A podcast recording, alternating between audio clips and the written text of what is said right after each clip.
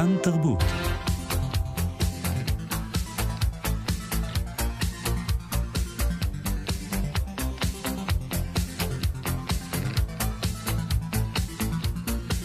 חלון גאווה עם איציק יושע.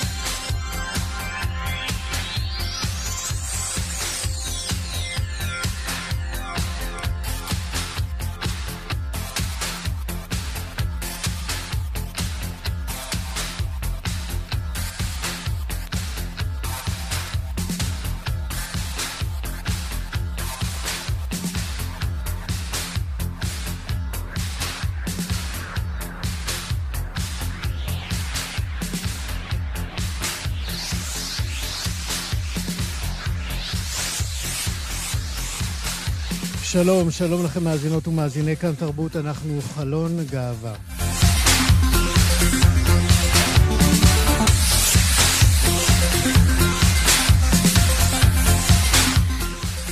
עוד מעט uh, נדבר uh, כאן על uh, הסדרה המשפחה בהסעה שעולה בעונה נוספת בכאן 11. ואחת אה, מגיבורותיה היא עמית אה, צוק, האקטיביסטית הטרנסית שמופיעה בסדרה עם בתה אגם. נדבר גם על אה, דמותו המרתקת של פרנץ גולדשטיין, איש ספרות יהודי גרמני, חברו של תומאס מן. ההומור שחי כאן באלמוניות לא מזהרת, חייבים לומר, הוא מת במוסד פסיכיאטרי כאן בארץ. עוד נדבר על אה, עמדתה המקוממת של המדינה בעתירה לבג"ץ על מתן היתרי עבודה לפלסטינים להט"בים שנרדפים על ידי הרשות הפלסטינית. אתמול uh, התבשרנו גם שהסופר והמשורר ההומו אילן שיינפלד, מהפעילים הוותיקים של קהילת הלהט"ב בישראל, הוא זוכה פרס ברנר של אגודת הסופרים העבריים לשנת 2021. אה, אילן שיינפלד יקבל את הפרס על ספרו הנזיר היהודי, ויש אה, לציין כמובן בהקשר הזה שפרס אה, ברנר הוא אחד הפרסים הוותיקים והיוקרתיים ביותר בספרות העברית. הבוקר, ממש לפני שעה קלה, הוא דיבר כאן עם אה, גואל פינטו בתוכנית, אה, בתוכנית גם כן תרבות, שממש שידורה הסתיים לפני, לפני דקות אחדות. בואו נשמע קטע קצר ממה שאמר אילן שיינפלד. ומהצד השני, לא פחות מכך, אני שותל במכוון, באופן מובהק, בכל אחד מן הרומנים שלי, את ההומואירוטיות וההומוסקסואלית חזרה לתוך ההיסטוריה שהשכיחה אותה, mm. והדחיקה אותה. וזה מעשה אה, שיש אנשים שמאוד קשה להם איתו. רק בשבוע שעבר קיבלתי תגובה ממישהי שהיא זרקה את אשת הפיראט יהודי לפח כי ראתה שם איזה תיאור של מין הומוסקסואלי שלא הייתה יכולה לעמוד. אה, אה, אני רוצה לברור מחדש מקום לבני ובנות הקהילה שלי ולי בתרבות שכל כך השתיקה ודחקה אותנו. אילן שיינפלד זוכה פרס ברנר, שוב ברכות. בצוות התוכנית חלון גאווה הבוקר, טל ניסן, עורכת משנה ומפיקה את התוכנית מיכאל אולשוונג, הוא טכנאי השידור. אני איציק יושע. חלון גאווה הערב אה, תעלה בכאן 11 עונה חדשה של הסדרה משפחה בהסעה. המצלמות, המצלמות בתוכנית הזאת אה, ממוקמות אה, במכוניות ומלוות הורים וילדים שלהם בנסיעה במכונית. המצלמות כמובן מתעדות את השיחות הרבות. אלה שמובאות הן שיחות רבות משמעות בשביל ההורים וגם uh, הנערים. Uh, עמית uh, צוק היא אישה טרנסית שבמהלך הנסיעה עם בתה uh, אגם, היא נחשפת uh, לכוונות uh, בתה ועל החלומות שלה על uh, נישואים uh, uh, לבן הזוג. Um, המידע הזה חושף אצל עמית את uh, טראומת הגירושין uh, שלה. אבל אה, אה, גם אה, מייצרת אה, שיח לא פשוט, אה, אה, אבל מעורר הערכה מאוד גדולה אה, לשתיהן, לאימא לבת. שלום עמית צוק. היי, מה העניינים? בסדר, מה שלומך? בסדר גמור. נראה לי שאת כבר בשלה להוביל סדרה משל עצמך. כולם מכירים אותך ממשפחה בטראנס ומההרצאות שאת נותנת. אה, אני ממליץ לעשות עלייך סדרה. ודרך אגב, זה כמעט היה סדרה, כי משפחה בטראנס, הסרט, כשצילמו אותו, אה, צילמו כל כך הרבה שעות, שבאיזשהו שלב חשבו שהולכים לעשות מזה בסוף סדרה ולא סרט, אבל יש, היו נורא נורא לחוצים להוציא את הסרט, עשו בשכל, אה, והוציאו סרט שהיה בסוף מועמד לאוסקר. יפה, חבל שלא זכה גם. אה, היה לך קל לשכנע את אה, אגם להשתתף בצילומים? את האמת שכן. כאילו, אגם עושה איתי טלוויזיה לא מעט, היא השתתפה איתי בתוכניות בוקר, והיא מאוד מאוד, משארה אותה גם בסרט מאוד מאוד ורבלית. כמו כל הילדים שלי. וזה לא, זה לא משהו צהוב, זה, זה, אנחנו משתדלים ומקפידים לעשות טלוויזיה כשהיא טלוויזיה איכותית, אה, כשהתוכנית היא איכותית מצד אחד ושאנחנו נהנות. נורא נורא חשוב לנו ליהנות, ונהנינו. אז, בצילומים האלה. אז זה משמח לדעת שנהנים, אבל בכל זאת, אה, אני צפיתי בחלק שלכם שעוד לא שודר, חייבים לומר. אפילו ו... אני לא צפיתי בו. לי יש קשרים, את יודעת. אני ראיתי את הקטע הזה. את יכולה, את זוכרת מה היה ב, ב, בשיחה הזאת? אני עוד מעט אספר, אבל חשוב לי לדעת מה את זוכרת. כן, בשיחה הזאת דיברנו קצת על... כל התוכנית היא הרי על נושא ההתמודדות של הורים עם הטינג'רים. Mm-hmm. ואצלנו, אני, אני מראש ידעתי שזה לא... זה לא תהיה שיחה אופיינית בין אבא, אימא לטינג'ר שלהם, גם כי מערכת היחסים ביני לבין הילדים בבית היא שונה. אה, החינוך הוא שונה, תפיסות העולם הן שונות. וגם כי אנחנו, מערכת הקשרים בינינו היא, היא מאוד מאוד קרובה, מאוד מאוד קרובה. אנחנו ממש אה, אפילו בחלק גדול מהדברים שותפות לדרך. אז היה לי ברור שהשיחה תתנהל בצורה אחרת. כן. וזה באמת למי... התחילה מחלומות ומהבן זוג שלה גם, ומהרצון שלה להתחתן. וזה נורא נורא גרר אותי לאיפה אני רואה את מוסד הנישואים. כן. אה, אני רק אספר אה, למי שעדיין לא, לא מכיר את הרקע של הסיפור, באמת, אה, כשאת אומרת היחסים שלנו שונים, זה משום שבאמת ברקע יש פירוק של המשפחה. כשאת עברת התאמה מגדרית, התחלתם כמשפחה שבה יש אבא ואימא. והסרט באמת, משפחה בטראנס מלווה גם את התהליך. אמ, בסדרה, המשפחה בהסעה, אה, אגם מדברת בגילוי לב נדיר, באמת, אני חייב לציין את האומץ שלה וגם שלך, אה, לדבר על הקושי שהמעבר הזה עשה לה. את יכולה להיזכר אני, מה אני אמרתם חייב... מול המצלמות? אני, אני, אז אני אחדד יותר כדי להבין את הקושי. אוקיי. Um, הגירושים uh, לא באו בעקבות uh, התהליך לשינוי מין. הגירושין באו אחרי התהליך, אחרי שהוא הסתיים. זה כל הסרט שלנו אה, נסוב סביב סיפור אהבה מטורף, שאישה והילדים מלווים את אה, בת הזוג בתהליך לשינוי מין שלה, ומפה נולד גם המשבר הגדול. כי אחרי שהילדים צלחו ביחד עם אה, גרושתי את התהליך, אז באה להם הסערה הגדולה הנוספת, שאף אחד לא צפה אותה, של גירושים. זה לא בא בעקבות התהליך, וזה היה הקושי אולי הכי גדול של אגם, ואותו היא פורטת ב, ב, ברכב.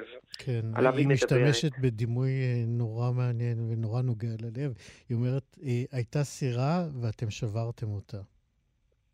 נכון, כי הסן, נכון. הייתה סירה, הייתה סערה גדולה, אה, והסירה הזאת צלחה אותה. את הסערה הגדולה הזאת, ו... ו... וכשחשבנו שאנחנו מגיעות לחוף מבטחים, אה, יצרנו עוד סערה. כן. וכשהיא אומרת לך את הדברים האלה, את uh, חונקת את הדמעות ועומדת בזה. זה קטע מאוד מאוד חזק בפרק שלכם שישודר. עמית אה, צוק, לצערי אנחנו צריכים לסיים. אנחנו, אני שוב מודה לך גם על הדרך האמיצה שאת עושה וגם על המשך המאבק היומיומי שלך לשוויון של כל קהילת הלהט"בים ובמיוחד הקהילה הטרנסית. עמית, תודה רבה. תודה רבה לכם, תהנו. חלון גאווה פרנץ גולדשטיין היה מהדמויות הלהט"ביות המרתקות ביותר שחיו כאן אה, בישראל, אבל הוא מת בתוך אה, אלמוניות, אה, אפשר להגיד לא הוגנת. הוא מת לפני 40 שנה, כשהוא עזוב ומבודד במוסד פסיכיאטרי. גולדשטיין, שהיה יהודי גרמני, היה איש ספרות וידידו הקרוב של תומאס מן, ובעיקר של בנו, קלאוס. גולדשטיין הגיע לישראל ב-1937 והמשיך להתכתב, אה, לנהל התכתבות מאוד ענפה עם אה, קלאוס. אה, החברות שלהם לא נקטעה בגלל שהוא הגיע לארץ. בין היתר הוא כתב לו על ההומופוביה הארץ-ישראלית של ראשית המאה הקודמת. אני חייב לומר שזה כתוב באיזה מין איפוק לא מובן. הוא כותב, גולדשטיין כותב לקלאוס מן, שה... היחס, זה ציטוט, היחס השולט כאן הוא חוסר הבנה כלפי אנשים מסוגי. חוסר הבנה, זה סוג של understatement. הדוקטור עופרי אילני הוא היסטוריון וכותב בעיתון הארץ, ובזכותו בעצם אה, אנחנו הקוראים נחשפים אה, ומשמרים דמויות של גיבורים להט"בים אה, עלומים. שחייבים להיות מועלים על דפי ההיסטוריה העולמית והלהט"בית, ודוקטור אילני עושה את זה. שלום לך, עופרי אילני. היי, שלום. אז מי הוא בעצם גולדשטיין? למה בכלל הוא הגיע לכאן? אז תראה, אה, הוא באמת אחד מאותם אנשים שכנראה לא היה מגיע לכאן אם, אם זה היה נתון לבחירתו, כן? מה, אה, אז בוא באמת נגיד את הנסיבות שבהן אה, הוא עלה. אז בסופו של דבר, הוא הגיע בעצם בגלל העלייה של הנאציזם, כן? זאת אומרת, אה, לא הייתה לו ברירה, הוא לא היה יכול להישאר באירופה. אה, אפשר לומר שלמזלו הוא הצליח אה, בסופו של דבר להשיג סרטיפיקט, מה שלא היה פשוט, ולהגיע כאן לפלסטינה, ארץ ישראל, אבל בסך הכל זאת לא הייתה בדיוק הבחירה הראשונה שלו. ומה שבאמת מעניין, שמעבר גם אליו באופן ספציפי, זה מייצג תופעה של באמת הומואים ולסביות שהגיעו בתקופה הזאת, אה, והיו מעין טיפוסים מאוד אה, תלושים, כי הם בעצם בדרך כלל לא היו אנשים שרצו באיזושהי התלהבות לבוא ולא יודע, להצטרף לקיבוץ או, או משהו כזה, אבל בתוקף הנסיבות של כמובן מה שקרה באותו זמן באירופה, הם הגיעו כאן לארץ. בוא נדבר באמת על הקשר שלו עם אה, משפחת מן, עם תומאס מן ועם הבן שלו במיוחד, קלאוס. כן, אז הוא באמת היה מסוג של גרופי של משפחת מן, אפשר להגיד, כן? הוא פרסם את הסיפורים של קלאוס מן. עכשיו, צריך לומר בכלליות, למי שלא מתמצא בפרטים, תומאס מן היה למעשה הומו, ביסקסואל, אה, אבל חי חיים מאוד מהוגנים, חיי משפחה. אה, כלומר, בהגדרות שלנו היום היינו אומרים שהוא היה הומו בארון, אה, אם כי זה התבטא בכל מיני צורות בספרות שלו, בנובלה המפורסמת מוות בוונציה, שהיא כזאת קלאסיקה אה, הומוסקסואלית, וגם ביוסף ואחיו שהזכרתי. Mm-hmm. לעומת זאת, קלאוס, הבן שלו היה בן אדם יותר, אפשר להגיד, מוחצן, אולי היה שייך לדור קצת אחר, שבו כבר הייתה בחוגים מסוימים לגיטימציה מסוימת להומוסקסואליות, ואפשר להגיד, שוב, במושגים עכשוויים, שהוא היה יותר מחוץ לארון. אה, ובעצם אה, אה, פרנגו, פרנץ גולדשטיין, היה חבר בעיקר של קלאוס, אבל בחסותו גם הכיר את תומאס מן, הוא נפש עם המשפחה, וכל זה היה כזה חלק מה, מהביוגרפיה שלו. כן, כולל התחושות ההומואירוטיות של תומאס מן כלפי הבן שלו. שגם עליהם אה, היה, הייתה התעכבות, ב, נדמה לי, בתכתובות שלהם, נכון? או שזה הייתה התייחסות לא, במקום זה, אחר? זה, ב, זה היה ב, בהקשרים אחרים, כן. כן. אמ, מה קרה לו בעצם? אני, יש, הזמן שלנו קצר, אני רוצה להספיק לגמרי.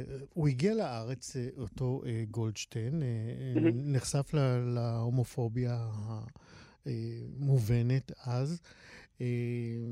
לא, לא מקובלת כמובן עלינו, אבל כן. מובנת בתוקף הנסיבות. ומה, איזה, איזה עיסוקים, מי הופך להיות המיליה החברתי שלו?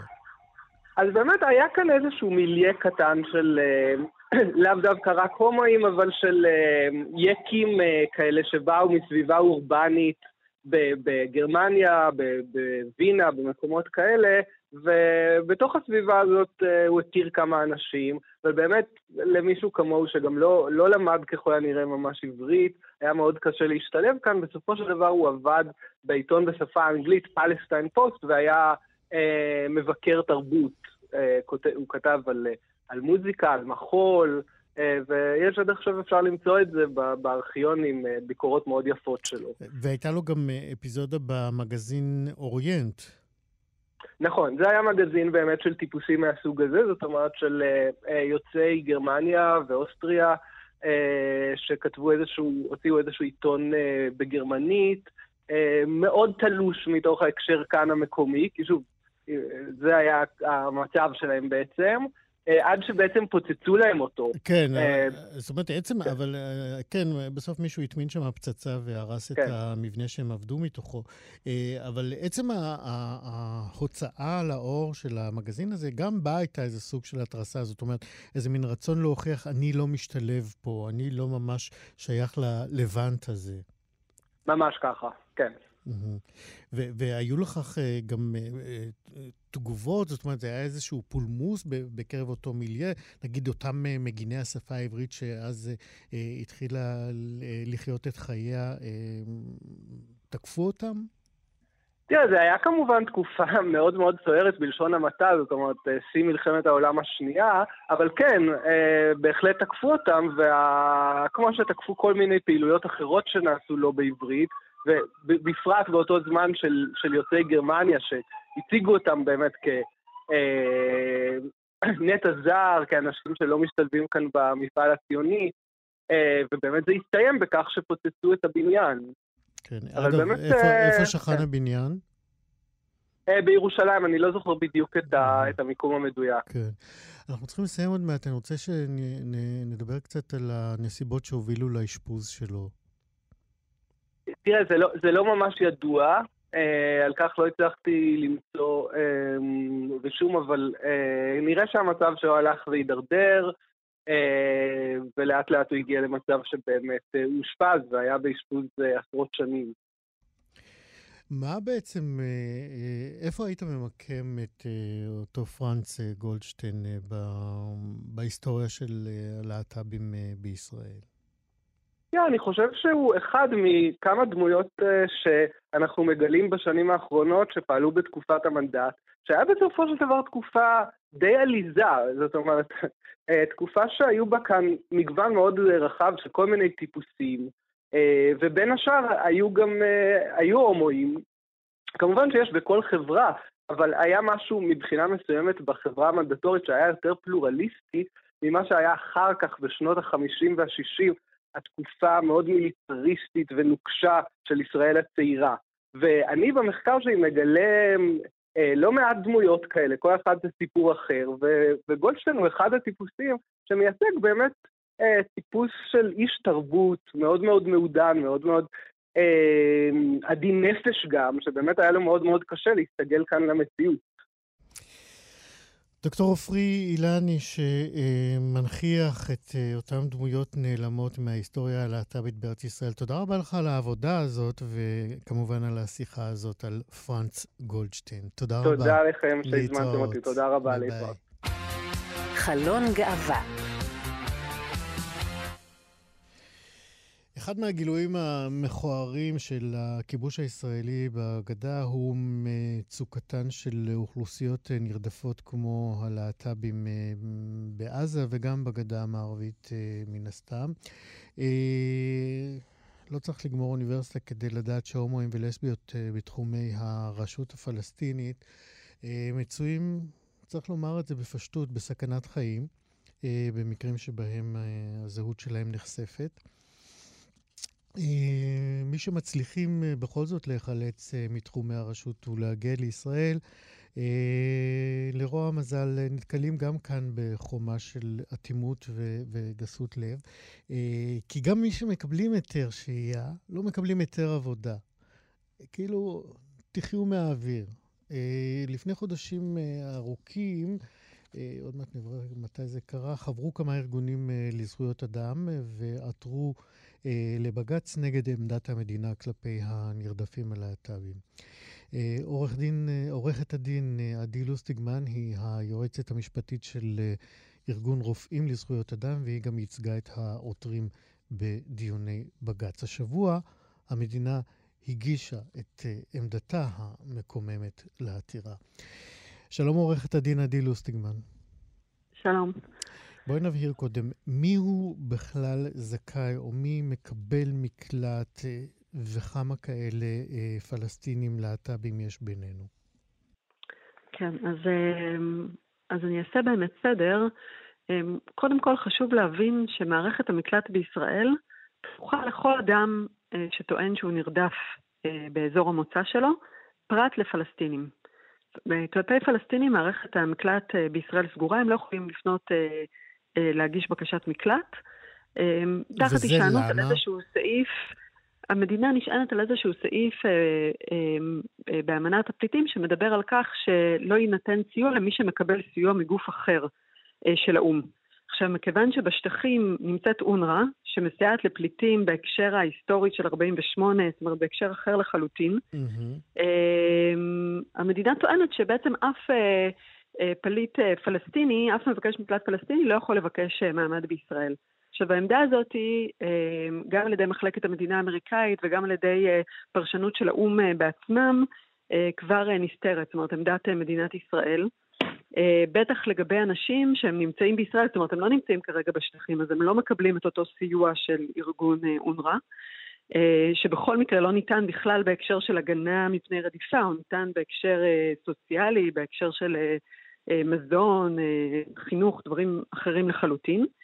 אה, ואני אציין גם שבמקרים שאנחנו פנינו לגבי אנשים שהם בכלל לא רשומים באונר"א, זאת אומרת, הם לא פליטים פלסטינים משנת 48' ולכן לא זכאים לסיוע של אונר"א, גם בפניהם הדלת נסגרה ונמסר לנו שמכיוון שמדובר בתושבי שטחים, לא ניתן לפנות למערכת המקלט. ששני הדברים... אני גם אציין שהעניין הזה עדיין לא הוכרע בבג"ץ, העניין הזה הגיע כמה פעמים לבית המשפט העליון, ואיכשהו נמצאו פתרונות נקודתיים למקרים שהגיעו לשם, או שנקבע שידונו במקרה אחר, ולכן עד היום בעצם אין הכרעה בסוגיה הזאת משפטית ישראלית. כן, ושני הטיעונים האלה שהשמעת עכשיו, מן הסתם ממלאים את העתירה אה, הזאת. שלכם. אמ, בין היתר. כן. אני אציין שהעתירה הוגשה בנובמבר 2019 או. על ידי רופאים לזכויות אדם, ארגון היאס, קו לעובד והמוקד לפליטים ומהגרים. אה, לאחר שבעצם אה, ראינו בשטח אנשים שהגיעו אלינו, שאנחנו ניסינו אה, לסייע להם, שמקבלים היתרים מטעמי רווחה, אותם היתרים שניתנים במה שמוגדר על ידי המדינה, כאשר גובש ההסדר הזה כמקרי קיצון. מקרים שהם, ש, שמי שבחר מתאם הרווחה הגיע למסקנה שהם מקרים קיצוניים שבהם אנשים באמת השתכנעו שאנשים נמצאים בסכנת חיים. אה, ולאותם אנשים שכיום אה, בתגובה האחרונה שהמדינה העבירה מדובר ב-66 אנשים סך הכל היום אה, שמקבלים היתרים כאלה, אנשים שכבר בעצם הם, בשונה ממבקשי מקלט, שברוב המקרים הבקשות שלהם שוכבות הרבה זמן ולא נבחנות, המקרים האלה נבחנו על ידי אותו מנגנון שנקבע לגבי טיב הבחינה, יכולת הבחינה, יש לנו כל מיני טענות, אבל זה הגוף שנקבע לבחון, ואותו גוף קבע שהם אותם מקרי קיצון שצריכים להיות פעם, ומגיעה להם הגנה ומקבלים היתרים. חלק מהמקרים שאנחנו אה, מלווים אותם הם מקרים שנמצאים כאן שנים ארוכות. יש לי מקרה של אז זהו, אני, אני רוצה לחדד, עורכת הדין לוסטיגמן, אני רוצה כן. בכל זאת לחדד אה, משהו שלי לא היה אה, מובן, אני מניח לא מובן גם למאזינים, האבסורד אה, שבמתן היתר מצד אחד לשהות כאן בישראל, אבל איסור חמור לעבוד. זאת אומרת, ממה, ממה המדינה שנותנת את ההיתר אה, מצפה שיחיו אותם אנשים? אמ, זאת שאלה מעולה, וזו באמת השאלה שנמצאת בלב העתירה, יחד עם עוד בעצם סוגיות שהעלינו לגבי נגישות לשירותי בריאות, רווחה, דברים שכן ניתנים למבקשי מקלט, אוקיי, לפחות בהיקף מסוים. כן, ועכשיו המדינה השבוע הגישה את עמדתה. מה היא אומרת על זה? המדינה בעצם ראשית כל, נקודת המוצא הייתה שאנשים אמורים לחיות מהאוויר. ש... הייתה נקודת המוצא פנטסטי, גם אני מוכן. בית המשפט אה, אה, התקשה לקבל את זה, אה, ובאמת העיר על זה הערות יחסית חריפות. שצריך גם להבין שמדובר באנשים שהם באמת עלי, עלי נידף, כמו שהגדיר זאת בית המשפט, אנשים שהם אה, נאלצו לברוח מהשטחים כתוצאה מרדיפה, הרבה פעמים גם מהמשפחה הגרעינית שלהם. והגיעו לישראל במקום ש, שבשונה ממבקשי מקלט אחרים, במרבית המקרים אין להם בו קהילה. אין איזשהו, אה, להפך, זאת אומרת, גם בישראל הרבה פעמים הם עדיין אה, נמצאים באיזשהו סיכון ופחד מקרב אנשים שהם אה, אה, פלסטינים מהשטחים. או, אה, בגלל הרקע... או פלסטינים ש, שחיים בישראל ו, ו, כן, וגם מייצגים וחיים בעמדות להט"בופוביות מובהקות. נכון מאוד. אז, אז בהקשר הזה אני רוצה לענות לשאלה שלך. אמ, אז מצד אחד המדינה מניחה שאנשים חיים מהאוויר. מצד, זאת אומרת, זו ההנחה המוצהרת, הפורמלית בעצם, שמשתמעת מהדברים. שזה מדהים, פשוט מדהים. אבל כן. זה, זה מדהים וזה מבטא פשוט דה-הומניזציה לאנשים האלה, ש, mm-hmm. שלא, הם לא צריכים לאכול ולשתות, זה, לא, mm-hmm. זה לא, לא חשוב. Um, לצד זאת, הרי ברור שאף אחד לא חושב שבאמת מישהו יכול להתקיים מהאוויר, ולכן בעצם יש איזושהי ידיעה מתחת לפני השטח שהאנשים האלה נאלצים בעצם אה, להתפרנס בצורה או שהיא לא חוקית, הרבה פעמים רבים מהם, והדבר הזה גם ידוע, גם למנגנונים שבודקים את הדברים האלה, אה, נאלצים להגיע למצבים של זנות, של ניצול, של סיטואציות... אה, אה, של פשע. של פשע ושל אה, אה, ניצול מיני ו- וזנות. ו- ו- חלקם, לא כולם, אה, אבל אה, לא כולם, במציאות כמובן, בלתי לא נסבלת, לא אין ספק. אני, אני רק, אנחנו חייבים... אבל אף אחד לא, כן. כל אחד צריך לחם וצריך קורת גג, נכון. וצריך... ו- ולכן אפילו אם מישהו שהוא לא, לא מגיע למקומות האלה, שהם הרבה פעמים גם מאוד אלימים ומסוכנים כשלעצמם, כן. אם, אם אסור לו לעבוד והוא חייב אה, לאכול, אז, אז ברוב המקרים הוא צריך בעצם uh, לעשות משהו שהוא לא חוקי. נכון. Uh, עורכת הדין לוסטיגמן, אנחנו צריכים לסיים עוד מעט. אנחנו, לא ניכנס כאן לעניינים המשפטיים נוספים, רק נאמר שהמדינה, היה לה איזושהי הצעה עם איזשהו מנגנון, שאם הם יביאו מעסיק כן. שמוכן להעסיק אותם, אז אולי כן יוכלו כן. לקבל יותר עבודה. המנגנון הזה הוא באמת מגוחך, גם המדינה יודעת את זה. מהנתונים כן. שניתנו על ידי המדינה, רק בגלל שהזמן קצר, אני אומר בקצרה, נמסר שמתוך 66 אנשים, רק 13 אנשים הצליחו לקבל את ההיתר הזה דרך מעסיק, שלפחות מאיך שאנחנו ראינו מהליווי אה, מהצד, כנראה היה איזה מרתון לנסות באופן מיוחד ל, את הבלתי אפשרי, אבל גם, ה, גם הנתון הזה מעיד על זה שלמעלה אה, מ-50 אנשים לא הצליחו אה, למצוא מעסיק שיסכים אה, לקחת חלק במנגנון המאוד מאוד מורכב, זה בעצם אומר כן. שמעסיק צריך לבקש, להידחות, כי מדובר באנשים שהם אה, כמעט כולם לא עומדים בשום קריטריון לקבל את ההיתר, והם גם לא כן. בסטנדרט של ההליכים הרגילים. עורכת הדין לוסטיגמן, אנחנו, זהו, זהו, נגמר כן. לנו הזמן. אנחנו מאוד מודים לך על העבודה שלכם. אנחנו מקווים שהמדינה אה, תגיב אה, בצורה יותר הומנית, פחות אה, דה-הומניזציה לאותם אנשים אה, שנרדפים. תודה רבה שדיברת איתנו. תודה לכם. להתראות. להתראות. שיר חדש של שי גבסו שיצא בשבוע שעבר, לב אדום הוא נקרא, השיר הראשון שלו שעוסק בגילוי לב בזהות המינית הביסית שלו. ועל הזוגיות בכל זאת עם גבר. אנחנו כאן אה, מסיימים חלון גאווה להיום. תודה רבה מאוד לצוות אה, טל ניסן, עורכת משנה ומפיקה, מיכאל אולשוונג, טכנאי השידור, אני איציק יושע. להתראות. שחור